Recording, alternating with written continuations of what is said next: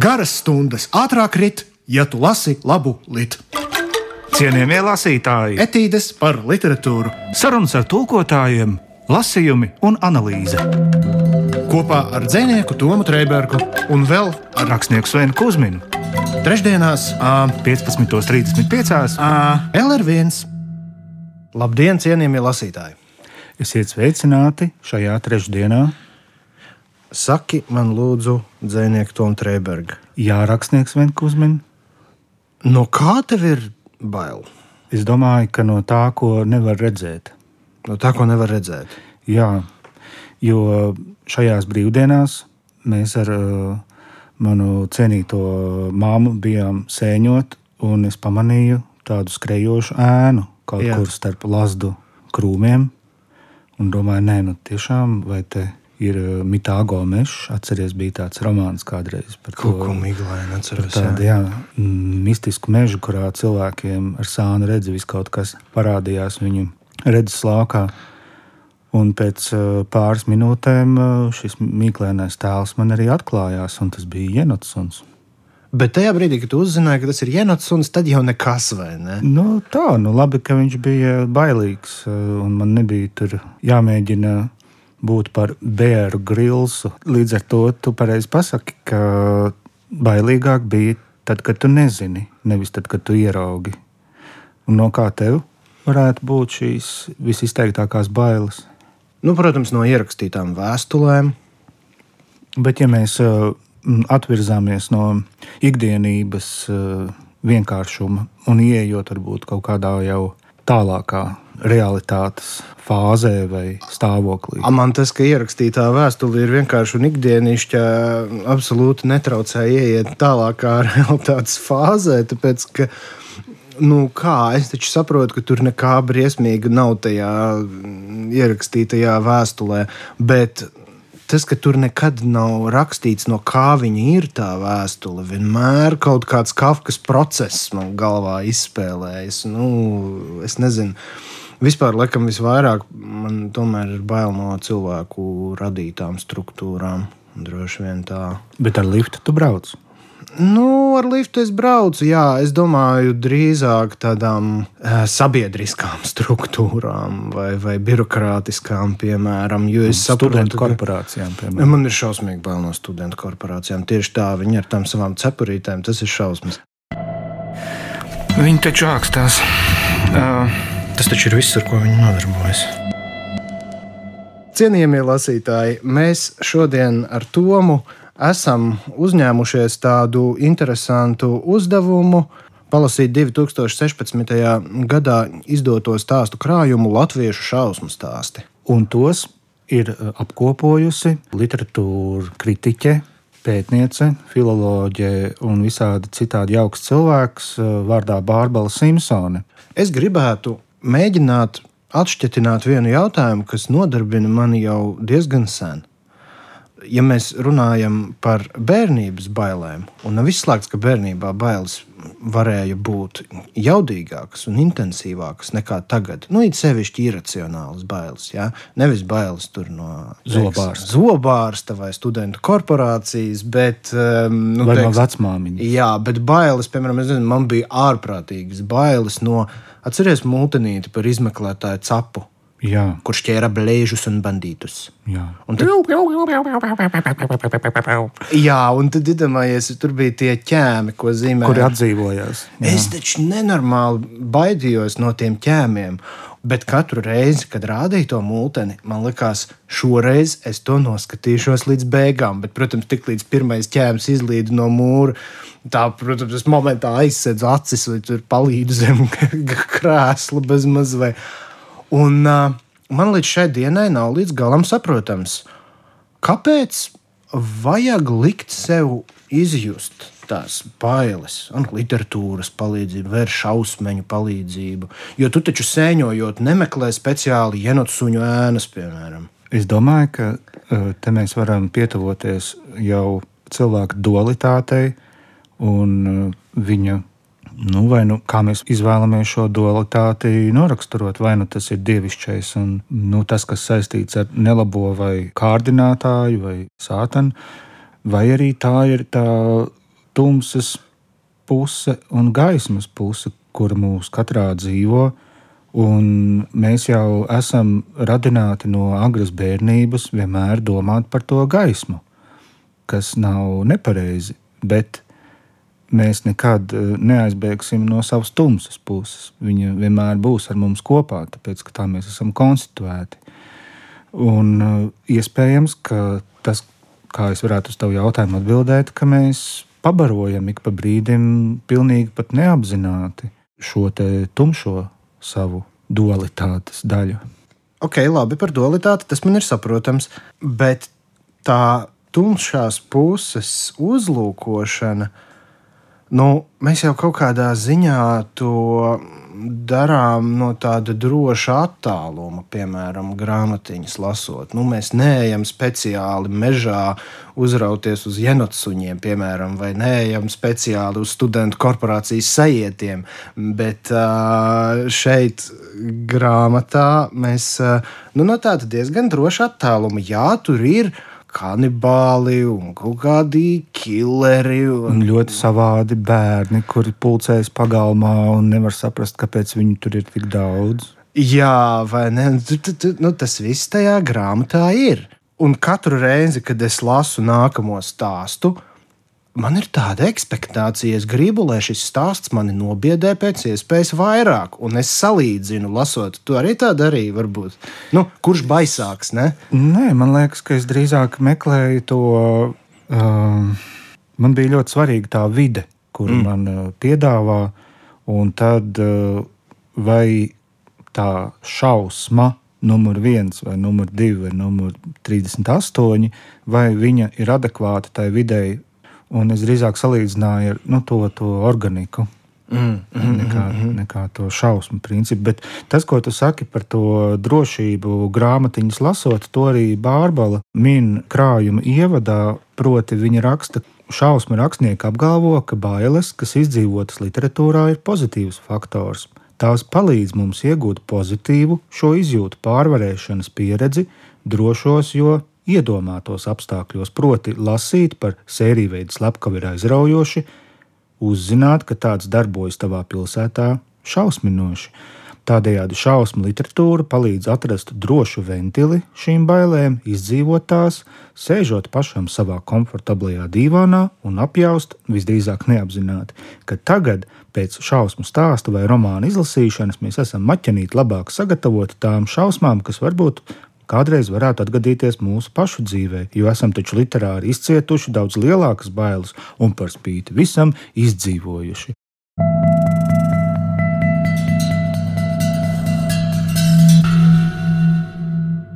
Cienījamie lasītāji, jūs droši vien klausāties un gribat zināt, kādi latviešu šausmu stāstu autori šajā krājumā ir iekļauti. Autori tur ir no dažādiem laika posmiem. Sakārtot chronoloģiskā secībā. Te ir Augusts Saulietis, Aleksandrs Grīns, Jānis Ezeriņš. Starp citu, ļoti interesanti arī Mirdzas Bendrupas vārdu bija te ieraudzīta. Jā, es arī biju pārsteigts. Vizma Belševice, Vladimirs Kajaks, Dagnija Zigmunte, Guntis Berelis, Ralfs Kokins, Ieva Melgāve, kā arī Andris Zeibots.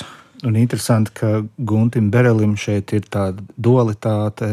Vēlreiz jāpiesauc šis svešvārds, jo viņš ir arī šeit pārstāvējis sevi ar savu pseidonīmu Viestures Reimers.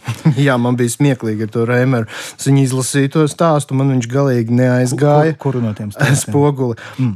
Un pēc tam es lasīju Bereli, un man likās, nu, vat cita lieta, kāpēc tā nevarēja sarakstīt? nu, redzi, tas ir tas kaut kāds plasībo efekts vai kaut kāda tā ka tev iedod pagaršot kaut kādā smalkā izstādē Jā. divas vienādas vīna glāzes, un tad tu vienu pieskaiti Kalifornijai, un otru Čīlei.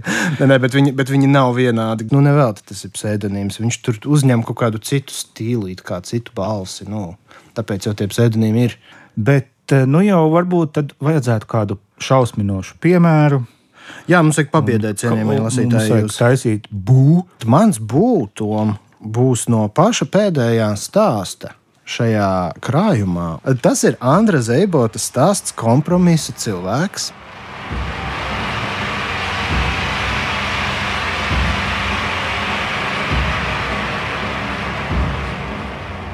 Pagājušo nakti tikpat kā negulēju. Sasodītie kaimiņi balējās līdz pat četriem no rīta un tā gandrīz katru nedēļu, vai katru otro nedēļu, it kā nebūtu vienalga, pirmo, otro vai trešo nedēļu, es teiktu, kaut reizi mēnesī vienalga, tas ir par daudz. Atkārtoju domās, vienalga, tas ir par daudz. Man ir tāds paradums ilgi atkārtot vienu un to pašu frāzi. Tas vienalga ir daudz par daudz. Es jūtu visu, kas notiek aiz sienas, Nevis tā, ka redzu kustības vai dzirdu runājošas balsis, nojaušu viņu reibumu. Nē, ne tā, bet tur notika ēna kustība, tumsā notika kustība. Un šonakt es pirmo reizi uzdrošinājos uzsist ar dūri pa sienu. Viss pieklusa. Saspringti klausījos 20 minūtes. Jaunieši intelektuāļi tur tuvojās un attālinājās. Es pats reiz tāds biju. Mums visiem toreiz bija mugurā zilgani pelēki krekliņi, it kā apakškrekli ar garām piedurknēm. Mēs demonstrējām vienību, mēs lepojāmies ar savām prāta spējām. Daudziem vienaudžiem tādu nebija. Mēs radījām sarežģītas prāta spēles un ieurbāmies iespaidīgu terminu un siloģismu konstrukcijās. Mēs tās saucām par lielajām schēmām. Tiesa, es nekad nestrīdējos, nenostājos pret savas grupas biedriem. Es piekrītu atsevišķiem uzskatiem un pats piedalījos nebeidzamajās sarunās tikai ar trāpīgiem papildinājumiem, kādas jaunas schēmas atbalstam. Es ienīstu šīs atmiņas. Mēs bijām sīkie intelektuāļi, prāta drasētāji un taustāmo parādību noliedzēji. Viņi tur aiz sienas bija tādi paši kā mēs tajos senajos laikos, ļoti līdzīgi. Esmu viņus redzējis nākam pa gaiteni, pa mūsu gaiteni daudz stāv namā astotajā stāvā. Viņi nāca, ejot apmainījās īsām frāzēm, viņiem bija somas un viegls apģērbs kā jau sīkajiem. Novērsos. Tomēr pēc īsa, pavisam īsa mirkļa atkal pametu skatu viņu virzienā, kad tie tuvojās pa gaiteni. Tad viņi pagāja garām un attālinājās. Es redzēju viņus ieejam kaimiņu dzīvoklī, dzirdēju atskanam zvanu, tad vērās durvis. Sasveicinoties, skanēja balsis, skaļi atbalsojoties tukšajā gaitenī, aizvaroties metāliski noklaudzēja lifta vārtiņi. Vienlaikus tikai ar pavisam nelielu nobīdi nograbēja kaimiņu dzīvokļu durvis, kad visi bija sagājuši iekšā. Noskrapstēja atslēga, apgriežoties slēdzenē, un gaitenī iestājās klusums. Biju pat aizmirsis, kurp eju.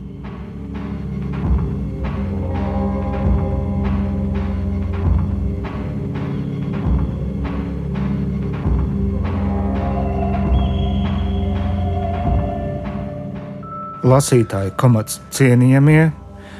Šodien mēs ar Svenu grimstam šausmās, pateicoties Bārbalai Simpsonai un viņas darbam, apkopojot dažādu laikposmu latviešu autoru darbus, kurus varam klasificēt ar birku šausmas.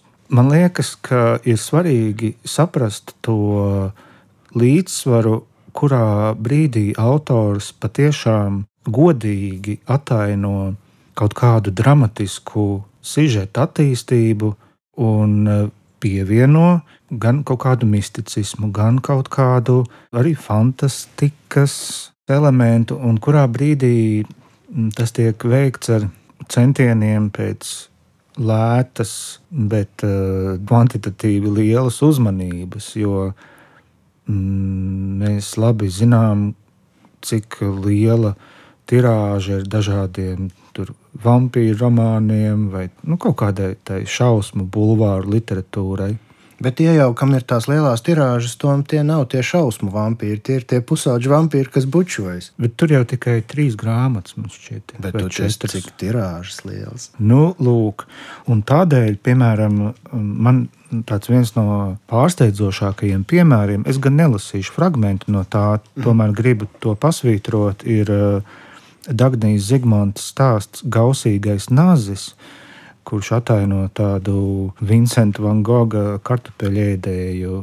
Tāpēc, ka tā šausmu ieviešana mm, literārā darbā arī ir tikpat droši vien grūts uzdevums kā tāpat erotika, ja tā padomā, jo tur arī ir tie dzinuļu un cilvēka zemapziņas, cilvēka kairinājumu, viņa kaislību, atsegumi. Savukārt šausmas ir tas, ko mēs jau arī tādā pilsoniskajā pēdiņās kārtīgajā sabiedriskajā ikdienā, nu mēs taču viņus slaukām kaut kur nostāk. Labi, tur varbūt sēžot darba kabinetā, kāds tur kādam uh, klusi pačuks, ne, tur redzēja, ārprāts, kā viņš tur bija apdedzis. Tur, vai, nu, nu, kaut kādus tur video zini, nu, kas tur parādās, vai arī, ak, Dievs, kā tās mašīnas tur saskrējās. Nu, Bet būtībā jau tas viss ir nost no mūsu ikdienas, tāpēc ka par to tā nepieklājas. Vēl es iedomājos arī par to, ka tīri kā literārs uzdevums, tas tomēr ir diezgan sarežģīti no tā viedokļa, ka tev lasītājā vajag izraisīt tādu gluži ķermenisku reakciju. Bet sāc uzrunāt tomēr lasītāju caur prātu. Tas nozīmē, ka tajā brīdī, kad tas, ko cilvēks no tevis rakstītāja ir izlasījis, cilvēks to izlaiž caur apziņu. Es vismaz pieļauju, ka tas tā varētu darboties cilvēks izlaiž to caur kaut kādiem neskaitāmiem apziņas filtriem, un tie filtri viņa atlasa banalitātes, un muļķības un neticamas lietas. Un, tas ir tāds katra privātais glavļīts galvā, kurš skatās, ka šī ir tāda stulba frāzīte, šitā nevajag, šitā nav pieklājīga. Ja kādreiz mums aicinās raidījumu Latvijas Rādio 4. Galvenais glavļīt. un, zināt, un tad, kad tas teksts ir izgājis galvā cauri visiem šiem filtriem, tad tikai viņam tiek atļauts aiziet tālāk uz nervu sistēmu vai kaut ko tādu. Jo, ja kaut kur viņš neiziet to cenzūru, viņš vienkārši ņem un neiedarbojas. Tev nav bail, vai tev tas erotiskā veidā nekairina. A, ja tie filtri visi izlaiž to tekstu cauri, tad jā, tad tas pēkšņi ņem un nostrādā. Un tādēļ es arī nolasīju šo zēbotu stāstu kā savu droši vien visbaisāko piemēru, jo tas bija vienīgais stāsts, kurš man izraisīja tādu patiešām ne tikai baiļu, bet arī tādu drausmīgas nērtības sajūtu. Jo Godīgi sakot, lielākā daļa no šausmu stāstiem šajā grāmatā man likās vairāk smieklīgi nekā nu, baisi. Tu zini, Es zinu, ka tev likās smieklīgi arī Gunta Bereļa piedāvātā turistu ādu ģērēta, kur Jā, tā ģimenīte ka... dricelē nost ādu no lieliem un maziem. Bet, jā, nu, tā, jā, tā, es kaut kā pasmieties. Nē, nu, viņš bija smieklīgs. Bet, viņš bija absurds. Nu, tāds, uh... Man tā, tā visa tas pavērsiens bija tik krass, ka viņi tiešām tur to cirvi trina ne jau, lai tur malku skaldītu, bet Jā. lai tur, zin, kā somiņas taisītu pēc tam un vest uz vecrīgu pārdot. Galvenais, nu, bija, pats à. fakts, ka viņi ved viņu uz vecrīgu un tirgo vaļņu ielā, un tad tur mazi bērni tā absolūti ikdienišķā tonī runā par to, ka pie mums gan turists ar cirviem sit labāk nekā pie kaimiņiem. Pie kaimiņiem viņiem neasina cirvjas nemaz. Kas tad tur var sanākt? Turpretī no Zēbāta stāsta es izjūtu patiešām diezgan nērtas, spiedošas šausmas, tāpēc ka tur tas horors nāca no patiesībā viņš nāca no iekšpuses. Tajā vidē, ko viņš uzbūvējis, nekas jau tur nenotiek. Bet toties viņš savā prātā turpina būvēt un būvēt un būvēt kaut kādu tik ārprātīgu konstrukciju. Tur man tiešām brīžiem duša apsvērdās lasot.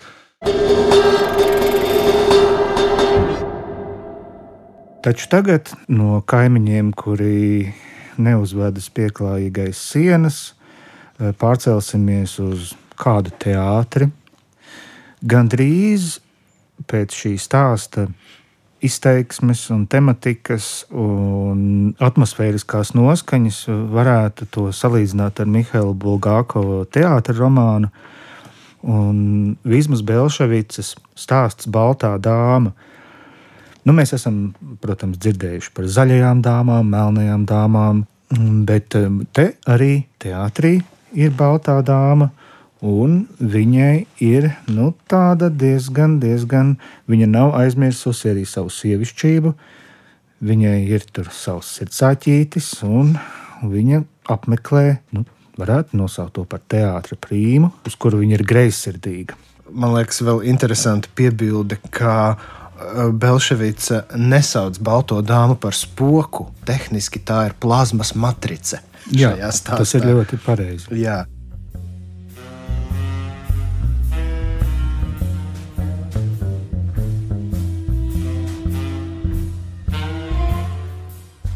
Šī savas durvis nav slēgusi ciet, kaut gan pie spieģeļa sēdēdām itin mats uz ruļļiem.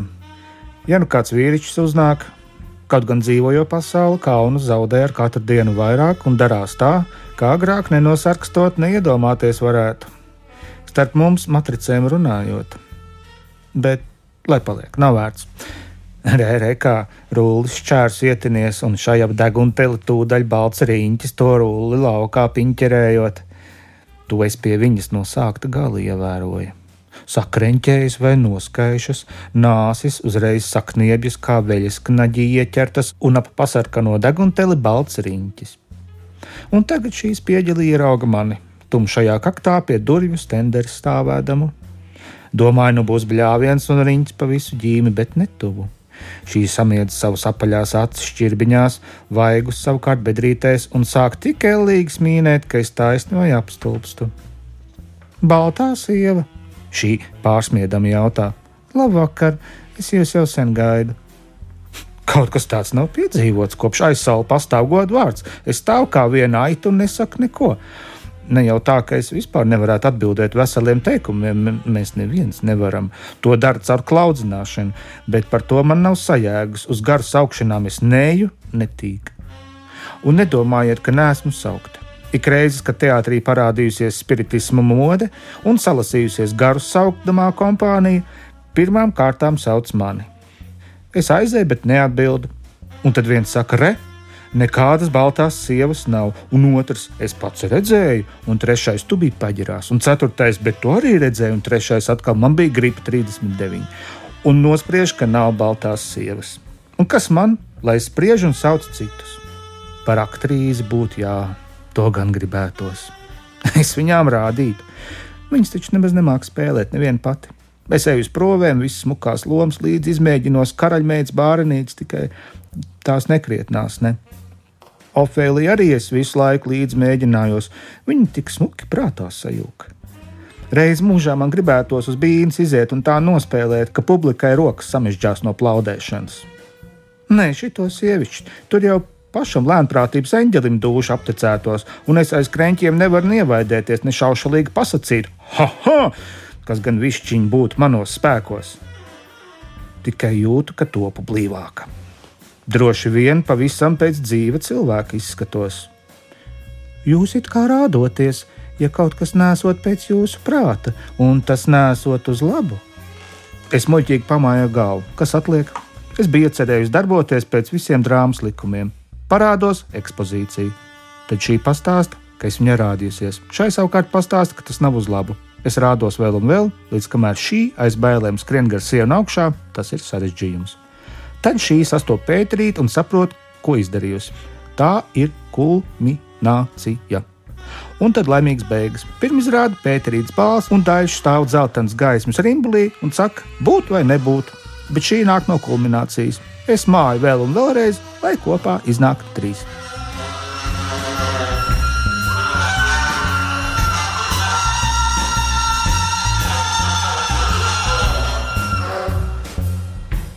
Cienījamie lasītāji, šausmas, šausmas.